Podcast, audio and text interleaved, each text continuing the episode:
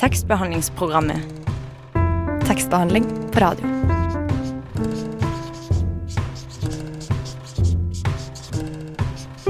Tekstbehandlingsprogrammet.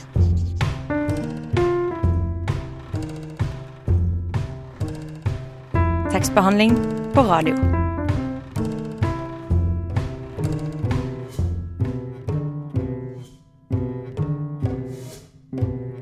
Og velkommen til tekstbehandlingsprogrammet. Jeg heter Anna Witt, og jeg har Torolf Høstmælingen med meg. Hallo. Hei, hei. Vi skal Hei, få hei sann. Hallo. Hei sann, der var du. Vi skal få en eh, gjest i dag. Han heter Hasse Hope. Han er nok mest kjent som programleder og komiker og diverse.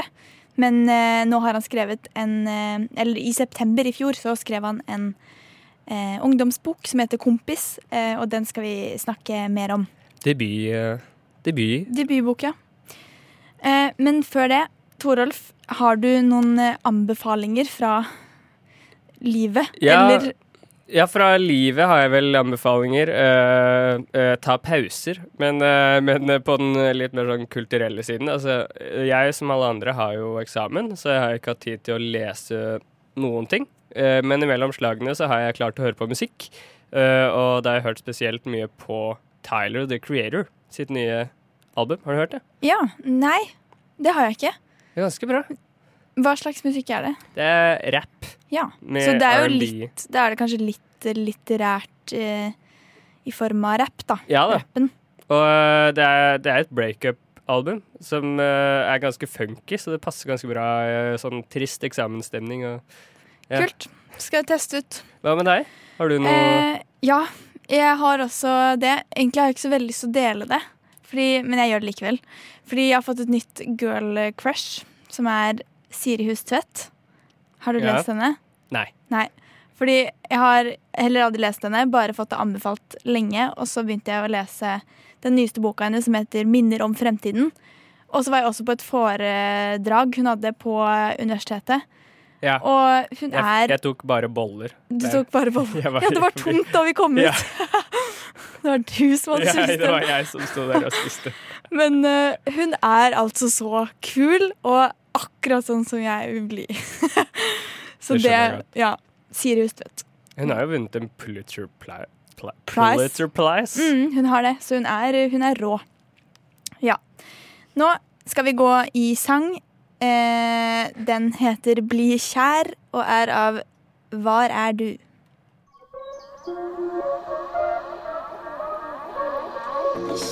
Du hører fortsatt på tekstbehandlingsprogrammet, men nå er det ikke bare meg og Torolf i studio. Vi har fått eh, Hasse Hope med oss. Hallo.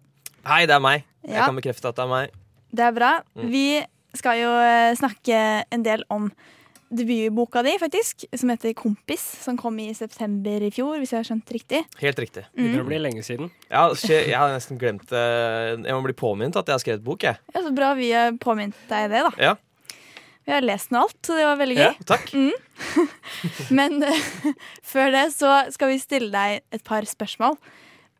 Oi. Bli litt Ja. eh, kjent. Okay. Nå er det på tide med fem faste i en forrykende fart.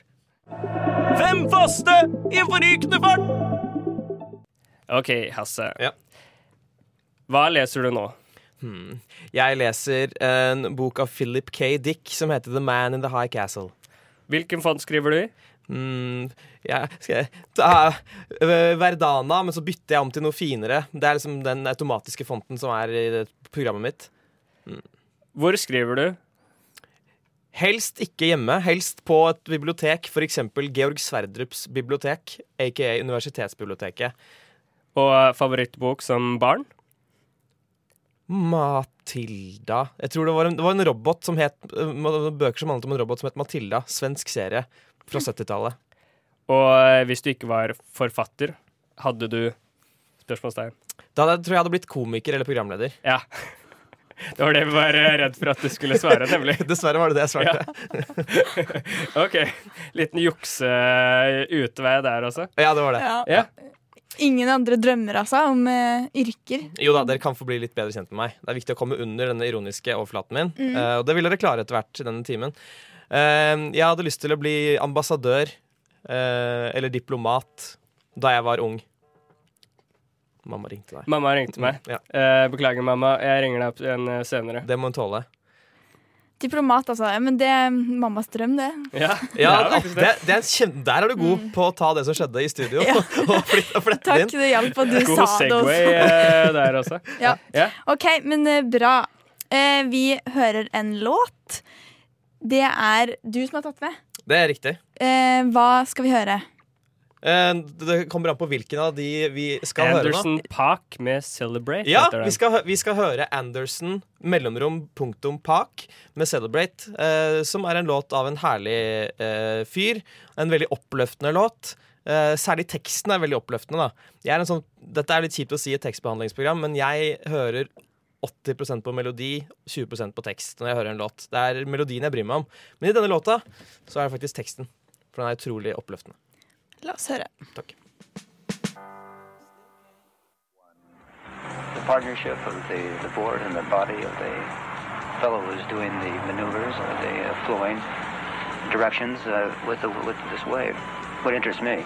Now, chaotic surfing, nervous surfing, and uh, uh, exceptionally power, it has its, has its Der hørte vi 'Celebrate' av Anderson Park. Eh, pak. Jeg må bare si det. Ja. Det var det. Det var en liten skrift. Ja. Eh, ja, og vi er tekstbehandlingsprogrammet, og vi har Hasse Hope med oss. Eh, ja. velkommen igjen. Ah, takk. For- Sier dere velkommen i hvert stikk? Kult. Ja, eh, eh, du har jo skrevet eh, en, en, en deilig bok. Mm. Eh, og dette er din første bok. Eh, kan du si litt om hva Kompis handler om? Ja, dette kan jeg. Dette, denne pitchen har jeg inne. Året er 2057. Vi er i Oslo.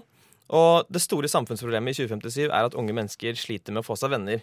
Fordi de har liksom glemt hvordan man omgås andre mennesker. Da. Det er dette et uh, norsk teknologiselskap som skal gjøre noe med. De skal lansere verdens første 100% menneskelige uh, robot. Og så skal de selge denne til unge mennesker, sånn at de kan da ha, få seg en venn. Problemet er at uh, ingen unge mennesker har lyst til å henge med roboten fordi den er det mest nerdete vesenet noensinne. Og de klarer ikke å programmere kulhet inn i denne roboten. Derfor bestemmer de seg for at roboten må begynne på videregående og lære seg kulhet på gamlemåten ved å henge med det kuleste mennesket i byen. Leo. Leo heter han. Mm. Eh, litt krass satire, er det ikke? Er det krass satire? Ja, men Man snakker jo om at ungdommen er så mye på internett og sånn at de mister Ja. sosiale relasjoner, Og her har det skjedd. ja. Ja. Altså, jeg har prøvd å, prøvd å ikke legge så mye vekt på dette med sosiale medier, for jeg har lest sikkert 80 kronikker som er sånn sosiale medier. Eh, kanskje det burde hete usosiale medier. Eh, så jeg liksom ville prøve å unngå for mye snakk om det. Men det er jo på en måte det som kanskje er grunnen til at det har blitt sånn, da. Ja. Eh, satt på spissen. Mm. Jeg syns vi skal høre litt eh, fra boka, jeg. Så, Ja. får vi, så får vi hørt stemmen. Ja, altså min, min stemme. Ja, Ja. Eller bokas. Bokas stemme, selvfølgelig. Um, jeg tenkte bare å lese litt fra et segment som er midt i boka. Der er det at, eh, at Leo skal gi eh, noen veldig kjappe tips til eh, kompis, altså roboten, på hvordan den kan bli kul, da. Ah! OK. Leksjon én. Ståing. Ståing er det du gjør når du ikke sitter, ligger eller beveger deg. Når du står stille, da står du, OK? Kompis nikket til Leo. Men å stå på en kul måte, det er en kunst, ass. Bare se hvordan du står. Kompis så ned på kroppen sin. Han sto helt rett, med armene langs siden og beina rett fram. Det der funker ikke, ass. Det er sånn en nerd står. Bare se på meg. Se hvordan jeg legger mer vekt på høyre bein enn på venstre. Det får det til å se ut som det gir faen i at du står. Og se hva jeg gjør nå. Leo la armene i kors og lente seg mot veggen. Dette er enkelt, men jævla effektivt. Lening er nå det kuleste man kan gjøre. Ser du en vegg, len deg på den veggen. Takk. Bare hyggelig. Eh, ja, det er jo en eh, sci-fi-bok, og den er satt i år 2057, Mm. som du sa. Hva er det med fremtiden som er eh, spennende å skrive om? Det som er spennende med fremtiden, det er at eh, hvis jeg hadde satt det til nåtiden, så måtte jeg forholdt meg til hvordan, hvordan eh, samfunnet rundt oss er nå. Og jeg ville vært liksom bundet av en del sånne regler om hvordan samfunnet er, mens når du setter det i fremtiden, så er det helt opp til deg. Da kan du bare finne på hva som helst som har skjedd. Og det gjør at du kan få inn veldig mye liksom, satire og vitser på hvordan ting har gått. da. For at jeg nevner i en bisetning at eh, Astrid S er kulturminister. Eh, eller at eh, Magnus Carlsen har fått øyelapp. Altså det er, det, er ikke, det er ikke det morsomste noensinne, men det er bare sånne eksempler da, på at du kan bare få inn veldig mye sånn bitte små drypp med humor og satire gjennom å sette det i fremtiden. Men eh, er det noen begrensninger som eh, melder seg når man eh, skal skrive om fremtiden også, eller er det alt bare helt fritt? Det er et veldig godt spørsmål, fordi jeg, veldig, jeg, jeg har lest mye sci-fi og sett mye sci-fi-filmer, og noe som ofte irriterer meg, er liksom at selv om de kanskje setter handlingen 30 år frem i tid, eller 40 år frem i tid, 40 år frem i tid så har det skjedd så vanvittig mye. Altså Det har skjedd altfor mye, fordi vi har en tendens til å tro at utviklingen går mye fortere enn den gjør. Altså Hvis du ser liksom på sånn øh, tegninger fra 50-60-tallet for hvordan det ville se ut i år 2000, så har, er det liksom flyvende biler og sølvfoliehatter, og folk eh, bor på Neptun, liksom. Og det er ikke, så fort går det ikke. Så det er viktig for meg å ha et veldig sånn jordnært syn på fremtiden. Det er visse ting som har forandret seg, men det meste er ganske likt sånn som det er nå. Mm. Ja, det, det tenkte jeg over. Sånn eh, at det var ganske sånn realistisk på en måte, selv om det var mye greier. Mm. Du har blant annet la merke til at han eh, Leo skal ha en sånn flyvende bollesveis. Ja, Jeg vet ikke om det var tanken at den skulle fly oppå, men det var en av de tingene jeg tenkte sånn Det her kommer kanskje ikke til å skje. Nei, altså det, det, ja, den såkalte svevesveisen, da. Eh, som da Litt sånn som den Lars Vaular hadde, den der bolleklippen han hadde for fire-fem år siden. Bare at det ser ut som den svever. Men den gjør egentlig ikke det. Men trikset kommer jeg aldri til å avsløre. Hvordan, Nei, ikke sant? hvordan de gjorde det. Det blir spennende å se i 2057, da. Ja. Fire-fem frisører i verden som kan det i 2057, var det ikke noe sånt? Ja, det er, jeg fem frisører, ja. Og Ja. de er veldig dyre. Så det er ikke alle som kommer til å ha råd til det. Nei, ikke sant. Eh, vi skal høre en til eh, sang som du hadde med. Ja. Eh, denne gangen er det 'Nobody Does It Better' av Ja. Carly Simon. Mm. Uh, dette er rett og slett den aller beste James Bond-låta noensinne til filmen The Spy Who Loved Me. Og jeg, eh, jeg er veldig opptatt av eh, jeg, jeg, er veldig opptatt av musikk. Og jeg, jeg driver og skryter hele tiden at jeg er så musikalsk. Om det stemmer, vet jeg ikke. Men jeg er veldig opptatt av hva er den perfekte akkordrekken. Og jeg mener at denne sangen har den perfekte akkordrekken. Altså, disse akkordene etter hverandre er rett og slett helt nydelig.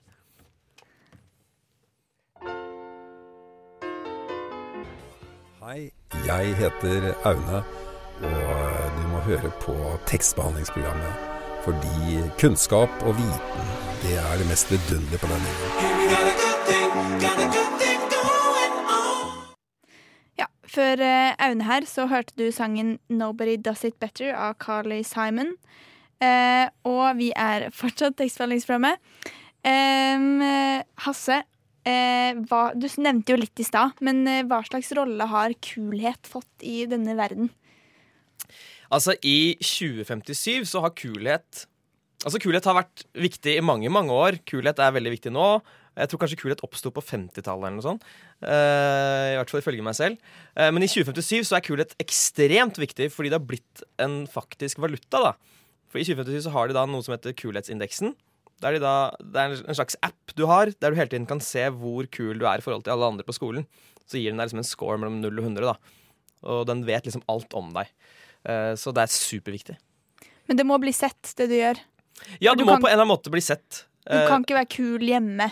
Hvis ingen ser det, da er det ikke Nei, og det er nettopp det som er kulhet. Fordi kulhet er jo bare noe alle vi bestemmer oss for sammen. Altså Sammen bestemmer vi oss for hva som er kult. Men vi kan ikke helt for forklare hvorfor vi syns noe er det. Vi bare har bestemt oss for at nei, den personen er kul.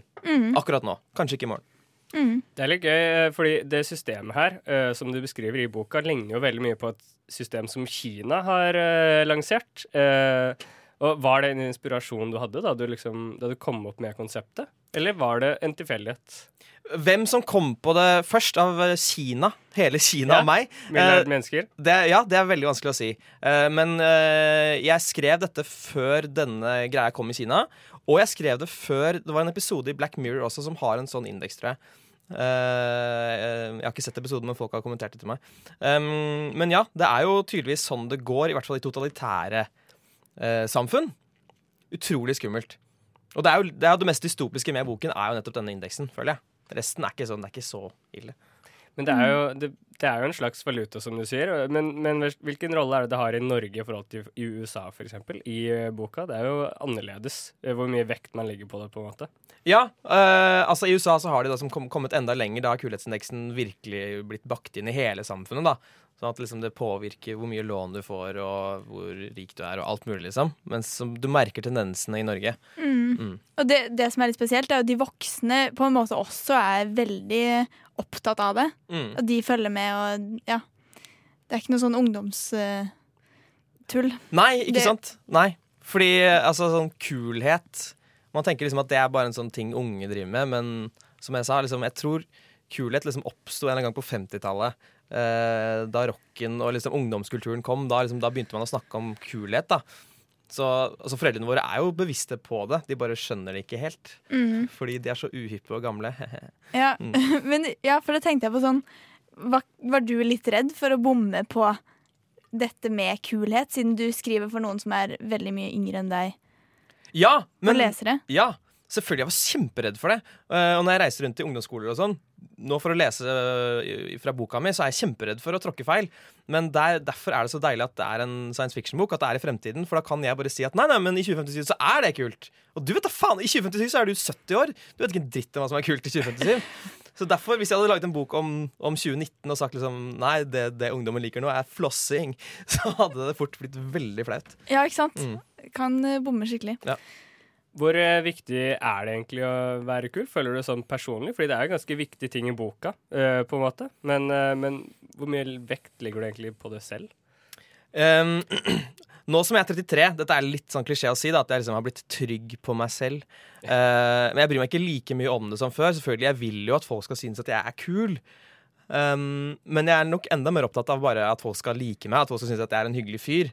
Mens for, da jeg var 23 for eksempel, og gikk på Westerdals, så var jo det, det var så viktig at jeg fikk nesten ikke puste. liksom. Jeg var så redd for å ikke være en fet fyr med fete klær som hadde kule holdninger og dro på fuckings vernissasje og så på kunst jeg ikke skjønte dritt av, liksom.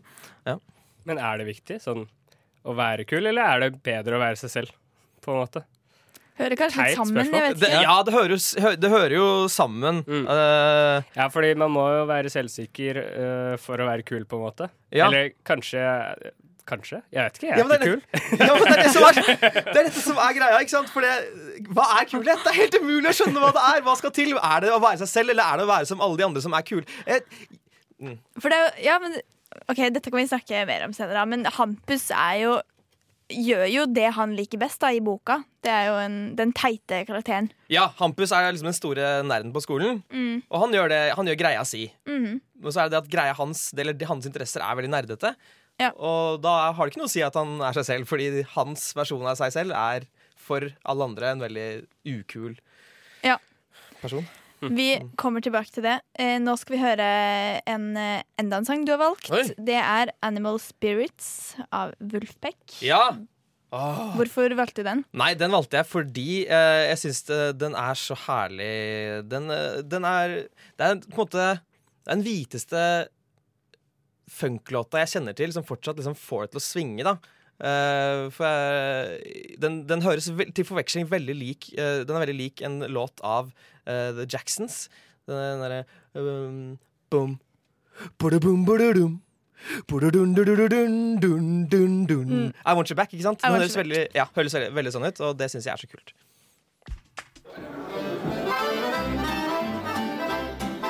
Hvis du går hjem med noen og de ikke har bøker, ikke knull dem.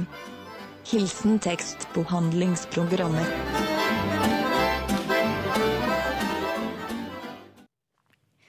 Eh, vi hørte 'Animal Spirits' av Wulfek i stad. Og vi har Hasse Hop i studio og snakker om eh, boka hans 'Kompis'. Ja, øh, øh, egentlig så er jeg ikke så fan av sånne spørsmål øh, som det her, men, eh, men jeg må spørre allikevel. Har du skrevet deg selv litt inn i noen av karakterene, eller er det noen du kjenner deg ekstra godt igjen i, kanskje? Altså Det som er greia Da jeg begynte å skrive det her, så skjønte jeg etter hvert at shit, denne boka handler jo egentlig veldig mye om meg. Fordi jeg var, jeg var veldig, veldig nerd på, på videregående og egentlig på ungdomsskolen også. Og hadde veldig sånne rare interesser og leste japanske tegneserier og lærte meg japansk og alle disse greiene. Uh, så jeg begynte etter hvert å skjønne at den roboten representerer kanskje egentlig meg. Og at jeg hadde lyst til å ha en sånn fyr som Leo som kunne bare si til meg sånn Du, det er døvt, det er fett, gjør det, så vil folk digge deg. Uh, men det hadde jeg ikke. Mi, gråtefjes. Nå har du laget det. Nå har jeg laget det. Ja. Så, Mhm. Ja, nei, nå har du laget i form av denne boken. Nå får du Ja. lov å Ja. Ja, nå, ja, det er nettopp det jeg har. Mm. Så ja, jeg er eh, kanskje roboten, altså. Mm. ja. Hadde det ikke vært lettere med en bruksanvisning eh, enn en roman? Da? Det hadde vært mye lettere, eh, men det er mye gøyere å skryte av at man har skrevet en roman enn en bruksanvisning. Det er sant, Da blir man forfatter attpåtil, som, som både komiker og, og programleder. Pappa sier at man er ikke forfatter før man har skrevet to bøker. Nei, Så for da kan man være med i Forfatterforeningen. Ja, Ja. nettopp. Å ja. Mm, så da vet, da vet vi det. Ja. Men uh, um, ja, han eh, kompis da, som er eh, roboten Mm. i boka. Hvorfor klarer han ikke å bli programmert kul? Eller hvorfor klarer de ikke det? Grunnen til det er, det er to grunner til det. Det ene er at øh, vitenskapsmennene, altså forskerne som har utviklet denne roboten, de er jo selv nerder. Så de, de skjønner jo ikke begrepet i det hele tatt. Og det andre er, som vi var inne på i stad, at kulhet på en måte er det er det mest flyktige som fins. En gammel klisjé når man snakker om roboter, er at de kommer alltid til å klare å lære seg kjærlighet. Det tror ikke jeg stemmer. Men jeg tror kulhet er veldig mye vanskeligere å få noen til å, å skjønne enn kjærlighet. det? Det kan være. Det er litt mer sånn skjulte Skjulte ting man må kunne da. Ja, ikke sant? Det er liksom hva, Som jeg sa i stad, det, er liksom, det er bare noe vi alle bestemmer oss for sammen. sammen. Dette er mm. kult. Dette er ikke kult. Jeg ser for meg at hvis en robot kan lære seg å tegne en bil, så kan den vel nesten også lære seg å øh, bli kul og på en måte. Ja, jeg har tegnet mange biler. ass. Jeg syns det er dritlett. Ja. Jeg kunne tegne biler da jeg var nerd også, på videregående. Og ingen syntes jeg var kul. Så, jeg er dritgod til å tegne biler. Jeg kan vise dere etterpå. Du tenkte kanskje mer på en, en eh, Hva? Hva heter det? Bruksanvisning, til en bil. Ja. Ja, nei, jeg vet ikke. Men uh, uh, siden da disse uh, Det er noen vitenskapsmenn som prøver å programmere denne roboten til å bli kul, men, men de er jo ikke kule selv. Men sier du da at vitenskap ikke er kult i øh, 2057? Hei, kom igjen, da. Det er dritkult. Ja. Nei, altså, det er, det er jo bare liksom Det er sånn klassisk, ikke sant, at det, det er jo gammel eh, klisjé at liksom vitenskapsmenn er nerder. Så den har jeg bare valgt å, le, å, å ha med og, og, og leve etter. Uh, jeg selv syns vitenskap er dødskult. Uh, jeg har ikke noe eksempel på det, men eh, jo, altså, sånn eh, Tesla Tesla er laget av vitenskapsmenn. Det er en kul bil, det. Ja. De flyr jo til månen og sånn. Altså, det er ganske kult. Ja, men for faen, hvor fett er ikke det? Mm. Å fly til månen. Ja. det er helt konge. Um, ja, vil du lese litt mer fra boka? Det kan jeg, det kan jeg gjøre. Uh, da skal jeg bare Da må jeg bare finne Det går bra. Ja, ja. Er dette sånn man kli- klipper man ut sånn, tom, sånn tomprat? Sånn det har vi med. vi, har med vi har med tompratet. Det er menneskelig. Eh, greit. Da tar jeg eh, dette utdraget. Ja, dette er fint. Dette er fra eh, veldig tidlig i boken. Eh, han Hampus, som vi snakket om i stad, han supernerden som da skal eh, hjem fra skolen. Og her ser vi på en måte litt av hvordan jeg har prøvd å, å vinkle fremtiden. da Og ikke gjøre det for avansert, men fortsatt ha noen små forskjeller. De siste strålene fra den synkende solen tittet mellom kirsebærtrærne som sto plantet utenfor blokk D på Litago Tropical Høyskole. Det var en enorm bygning, særlig i høyden, med sine 15 etasjer i gjennomsiktig sjøgressgrønn hydroplast. På toppen hang en rekke svære logoer i neonlys for ulike firmaer. Slasshenger, Bertel Osteens hoverboards, Toshiba Robotics og et par til. Det var folketomt på plassen foran bygningen. Det var sjelden elever gadd å bli igjen så sent i starten av skoleåret. Bokstavelig talt alt annet fristet mer. En sikkerhetsvakt gikk fra bygning til bygning og låste for kvelden. Han fiklet frem knippet med magnetkort fra beltet sitt og skulle til å låse hoveddøren til bygningen da han hørte en stemme og noen joggende skritt som nærmet seg. Vent, ærede betjent. En to meter høy skikkelse stanset andpusten foran sikkerhetsvakten. Jeg takker deg, min gode mann, sa han og bukket. Hampus hadde blitt sittende i seks timer etter trigonometritimen for å lage en detaljert oversikt over studieåret sitt. Han tok nemlig 260 poeng i semesteret, tre ganger så mye som gjennomsnittseleven, og det var et herk å få alt til å gå opp. Dessuten hadde han en grunn til. Hampus hadde nemlig ikke stort annet å ta seg til. I motsetning til de fleste andre på høyskolen bodde ikke Hampus i dormitoriet, der det alltid var noe å finne på. Nei, han bodde hjemme hos sin mor. Han sa ha det til sikkerhetsvakten ved å tippe på sixpence-lua i tweed og begynte å traske ned bakken mot enskinnebanen i Sums gate. Den hvite enskinnebanen gled friksjonsløst bortover mot vinneren via Maj Majorstuaen. Setene var fordelt som i en berg-og-dal-bane, der hver rad var adskilt og hadde sin egen dør, totalt ti dører per vogn. Denne transportetappen hadde blitt høydepunktet i Hampus' dag. Når han satt på banen, var det helt innafor å sitte alene, det var ingen forventninger om å være sosial, ingen grunn til å skulle fremstå kul. Takk. Bare hyggelig. Jeg tenker sånn, Det må ha vært veldig gøy. Du bor jo i Oslo. Ja. Det må ha vært gøy å bare kunne slippe helt løs og bestemme hvordan Oslo ser ut i Ja. fremtiden. Ja, veldig. Og den er altså Sumsgate. Jeg vokste opp i Sumsgate. Uh, mm. Og skolen er liksom Den befinner seg der hvor Ullevål sykehus ligger nå. Ja. Så liksom mye av handlingen handler er liksom satt til der jeg vokste opp, på samme måte som uh, Som eh, eh, Hampus. eller? Nei, jeg tenkte på forfatteren eh, eh, eh, Lars Nei, mm, Lars- Lars Saabye Christensen. Ja. Han skriver alt handler om marinlyst i bøkene hans. Ja, ikke ja, sant? Litt på samme måte. Mm. Men eh, ja, jeg tenkte også på det der Det er noe litt amerikansk over at de barna bor i dor... Dormitoriet. Dom- dormitoriet. Ja. Hvorfor har du valgt det? At de bor der? Egentlig bare av praktiske hensyn, for da befinner alle elevene seg på samme sted. Og da gjør det det lettere å skrive bok da. At du bare, da kan alltid en person bare dukke opp fordi de bor like ved hverandre. Så det er en såkalt liten snarvei. En morsom ting med den boka her er jo også at du har med masse fotnoter. Ja, Men siden det er i framtiden, så er det vel eh, ganske fritt slag for hva som skal stå i fotnotene, eller ja veldig. Og mange av disse betraktningene om fremtiden kommer, kommer gjennom disse fotnotene. Der du har en sånn allvitende forteller som på en måte vet at leseren befinner seg i 2019, og da kan si at du, nå skal jeg forklare hvorfor dette har skjedd, og dette har skjedd. For eksempel Majorstuaen, som jeg nevnte nettopp her. Det er en sånn liten fotnote der det står at uh, bydelsutvalget slet veldig med å bestemme seg for om det skulle hete Majorstua eller Majorstuen. Så de lagde en sånn hybrid, Majorstuaen, til alles fortvilelse. Få se om det blir noe av. Det blir jo generelt uh, spennende å se de som leser den boka i 2057, da, om det får man litt sånn sjekket. Da får man sjekket. Eh, jeg gruer meg Nei. litt. Jeg, jeg Ja. syns jo det er litt sånn kleint å se sånn Blade Runner som, eh, som er satt i 2018, og bare se hvor utrolig feil folk tok. Og ja, men eh, Ja, jeg har aldri vært i Tokyo, så jeg hører det skal være ganske futuristisk der. det, det er det. Jeg har vært Ja. masse i Tokyo. Ja. Veldig futuristisk. Men ikke sånn, det er ikke sånn Blade Runner i det Nei. hele tatt, sier du? nei, ikke, nei, de har ikke sånn flyvende biler, og det er ikke så mørkt hele tiden. Em, vi skal høre en sang. Denne gangen er det ikke du som har valgt den, men det er fra A-lista vår. Den heter 'Slippe' av Amalie Holt Kleive. Hallo, mitt navn er Knut Nærum, og du hører på tekstbehandlingsprogrammet. Jeg går i hvert fall ut fra at du gjør det. Eh, ja, du hører på tekstbehandlingsprogrammet. Vi har besøk av Hasse Hope, og du hørte sangen 'Slippe' av Amalie Holt Kleive i stad. Nå skal vi ha en slags quiz.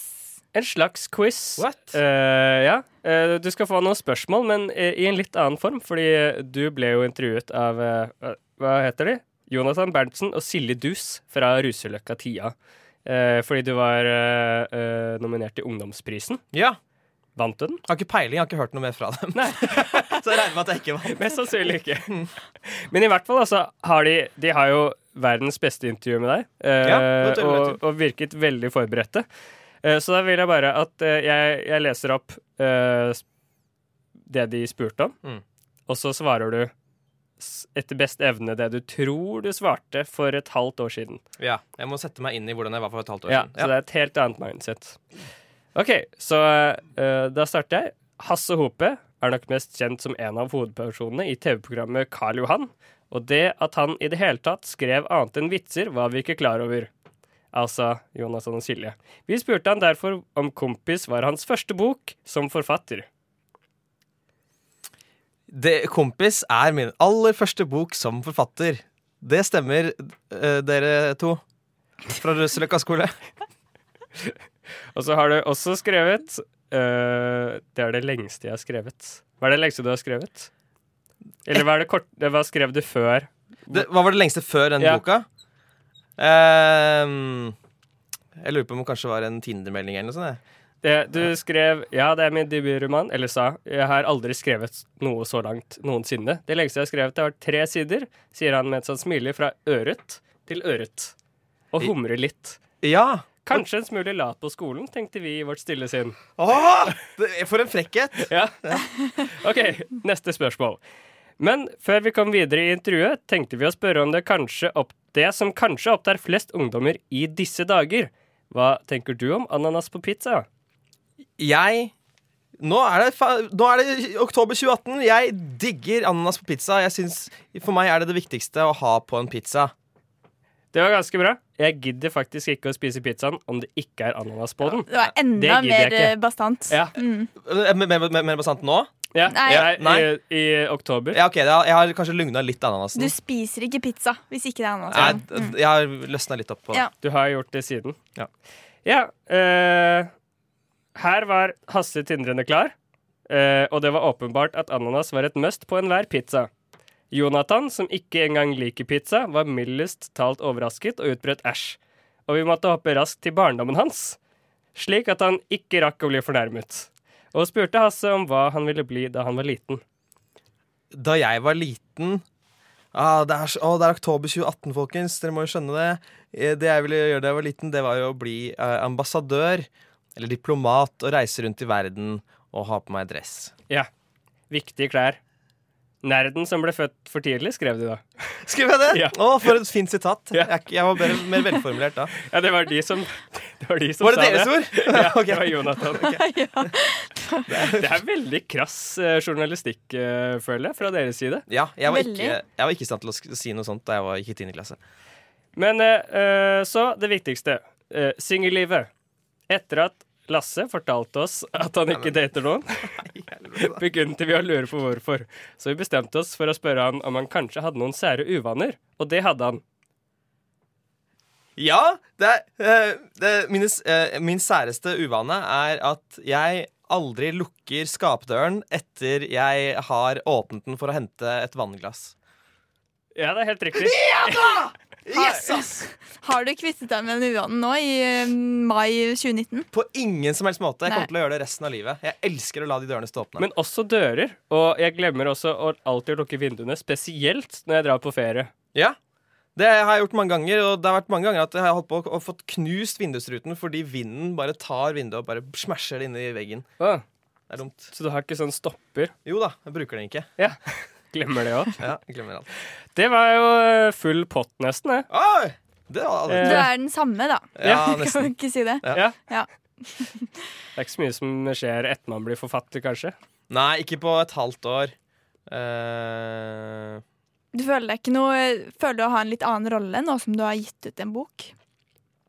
Em, jeg, nei, altså man skulle kanskje tro det. Jeg, før var jeg på en måte bare en klovn, så da trengte man ikke ta noe jeg sa seriøst. Men nå kan jeg på en måte si Nei, hør på meg, din jævla dritt. Jeg er forfatter, OK? Jeg har faktisk skrevet masse sider, og du burde høre på det jeg sier. Men det er ingen som bryr seg. Nei, ikke sant. Men uh, vi skal snart, uh, snart avslutte. Men jeg jeg tenkte å spørre deg Du har jo skrevet denne boken. Mm. Ja. Det vet vi nå. det har vi stadfestet.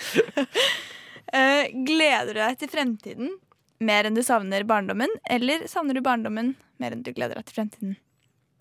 Um, nei, jeg gleder meg mer til fremtiden. Uh, som sa, jeg hadde en sånn merkelig barndom fordi jeg var så nerd. Og jeg var på en måte ikke, jeg var ikke noe mobbeoffer, jeg bare var liksom ikke så veldig fet. Så jeg tror, jeg tror eh, fremtiden er mye lysere enn uh, fortiden min på videregående var. Mm. Og shit, Jeg følte dere kom skikkelig nærme meg. Og, og dere gråter! Ja, vi gjør faktisk det. Not, la, noter at de gråter. Det er Vil du ha tørkle, Anne? Ja, Ja. en liten sånn saltstang også. Ja. Mm. Men eh, ja, nå er det egentlig bare å si takk for at uh, du kom. Takk for at du kom. Takk Mhm. for at uh, jeg kom. Takk for at jeg fikk komme. og snakket om kompis. Eh, vi skal videre på eh, noe Stine har eh, laget. Hun har diskutert litt rundt hvilke venner man burde låne bort bøker til, og ikke. Vi skal høre det nå. Du kan sikkert få låne Jeg tar meg sjøl i det før jeg fullfører setninga. Jeg kan ikke låne noen bok. For å låne bok hos meg, så bør vi være gode venner. Og det er ikke det at han høye fyren som står midt i stua mi og ser på bokhyllene mine, ikke er en god venn. Men han er ikke en sånn kompis som jeg har garanti for at jeg skal være venn med veldig lenge. Ikke like lenge som jeg skal være venn med Torolf eller Ingrid. Torolf og Ingrid kan låne bøker av meg, for jeg vet at jeg kommer til å få lånet returnert. Om ikke etter et par uker, ei heller etter et par måneder, så en eller annen gang vil skammen tvinge Torolf til å gjemme tilbake en frivillig død som han lånte en dag nærmere årets start enn dagen i dag. Og Ingrid lånte to bøker samme dag, og begge fant veien tilbake i bokhylla mi etter tre uker. Det er ikke det. Torolf kan få kose seg med Steffen Kvernlands tegneroman om selvmord så lenge han bare orker, for jeg vet med sikkerhet at jeg får den igjen til slutt. Såpass mye stoler jeg derimot ikke på det som kan vise seg å være midlertidige venner, som ikke tvinges til å møte meg ukentlig i forbindelse med møter og sending. En gang i tida lånte og lånte jeg ut bøker med andre intensjoner enn å bare berike andres liv med min utrolige litteratursmak og treffende anbefalinger. En mer naiv utgave av undertegna kunne nemlig finne på å benytte låning som strategi for å sikre at vennskap skulle vare. Kall det gjerne en slags gisselsituasjon med bøker i hovedroller. Jeg tenkte at så lenge vedkommende har boka mi, eller jeg har en annens, så finnes det en garanti for at vi må møtes igjen. At andre ikke nødvendigvis har samme rigide forhold til mitt og ditt som materialistiske meg, slo meg overhodet ikke. Døden tar heller ikke hensyn til utlån, så plutselig har jeg sjelden novellesamlinger som jeg ikke får gitt tilbake. Litt av en strategi, du. Det hele sørger for ei lita ripe i lakken for vennskapstvangen, men jeg fortsatte likevel med praksisen med bokbaserte relasjoner. Det skar seg igjen litt seinere, da i et svakt øyeblikk, etter litt smiger, lånte ut ei bok til noen som veldig gjerne ville låne den, fordi den måtte være sjukt kul, siden jeg hadde nevnt den med positivt fortegn. Min største svakhet, den jævla smisken, og folk som vil låne bøkene mine. Plutselig var vi ikke venner mer, og boka, den ser jeg aldri igjen. Nå er det kanskje ryddig å nevne at jeg sjøl er en seriøs låner. Jeg lover at du får tilbake det du låner meg, med mindre du er mora mi eller Daniel som har delte i gang med på hybelhuset. Daniel som lånte meg den tredje boka i Twilight-serien i 2007. Sorry, Daniel, jeg har ingenting å si til mitt forsvar.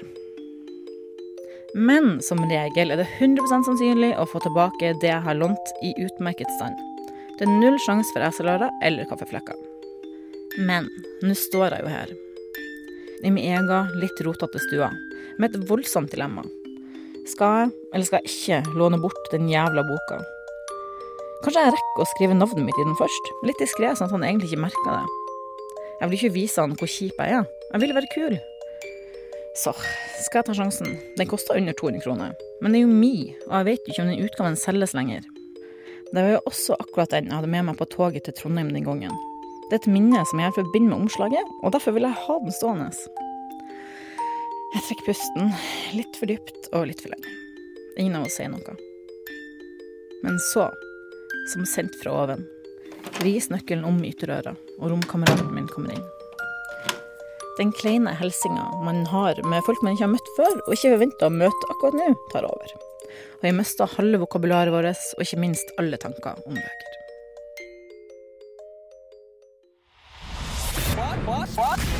Radionova er best. Alle andre er tapere. Radio Nova.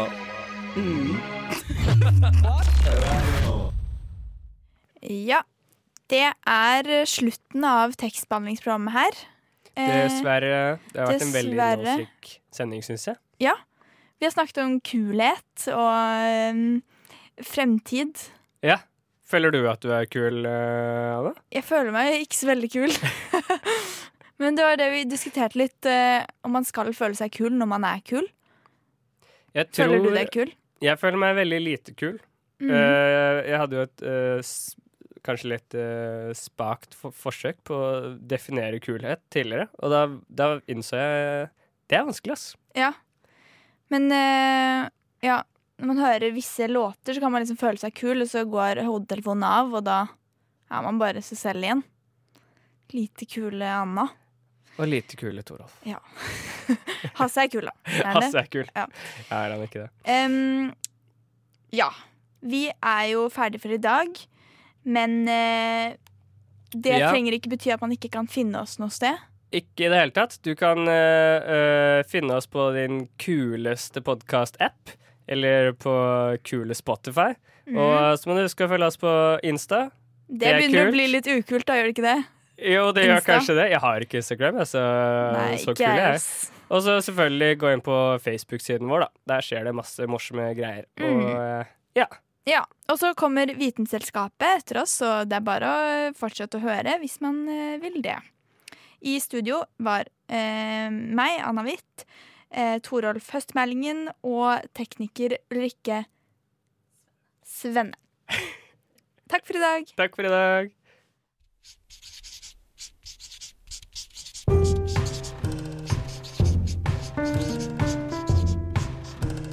Tekstbehandlingsprogrammet. Tekstbehandling på radio.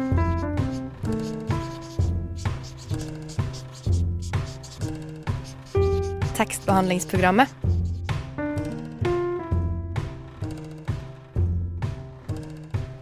Tekstbehandling på radio.